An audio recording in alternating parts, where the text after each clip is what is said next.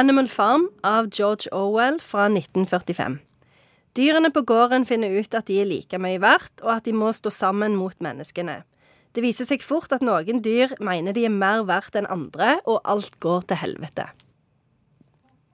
George Orwell. Var dette før eller etter 1984? Det var før. På denne tida så var han mest eh, irritert på stalinismen, fordi at han var jo sosialist, eh, George Orwell, eh, og syntes jo egentlig at eh, Marx og Engels hadde ganske gode ideer.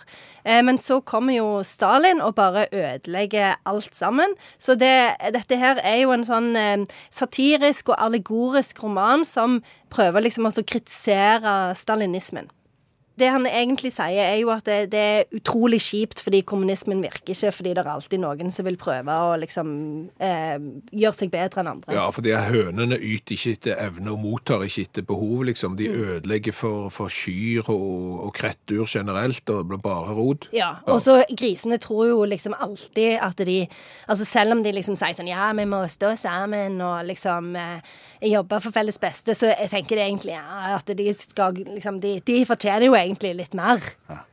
Om han måtte bruke dyr for å kritisere kommunismen fordi han ikke vågte å si det som det var?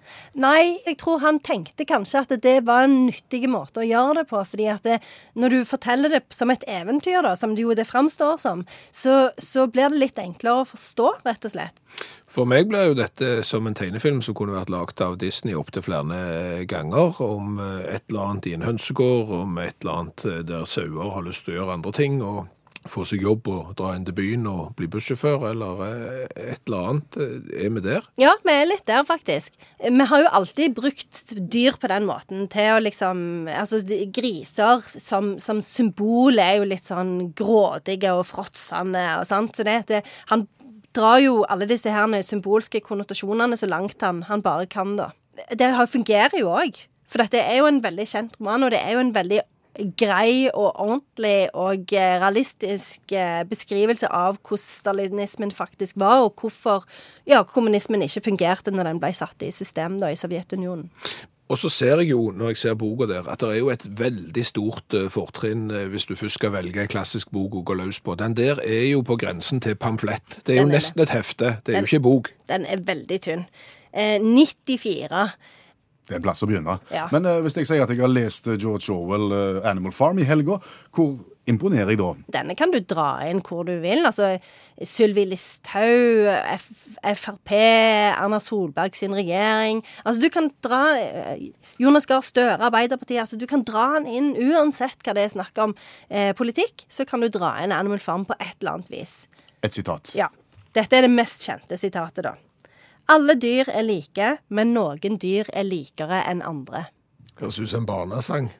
Ja, noen barn er, er like og... Men det er utenpå Det er utenpå, helt ja. riktig.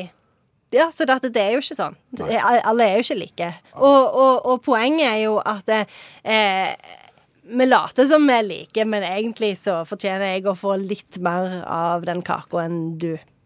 Akkurat. Bare dere hadde visst hvor mye mer jeg bidrar med i dette programmet enn det dere gjør, f.eks., så, så hadde dere sett det. Hadde dere verdsett det arbeidet på en helt annen måte. Vet du hva, Jeg verdsetter det såpass høyt at jeg, jeg vil gjerne be deg nå oppsummere Animal Farm for oss.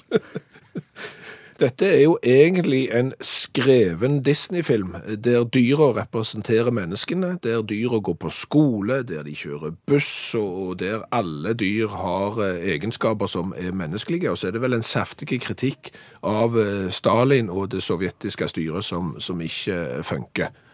Og en barnesang. Og det er greit. Helt perfekt. Da sier vi tusen takk, Janne Stigen Rangsholt, litteraturviter og forfatter.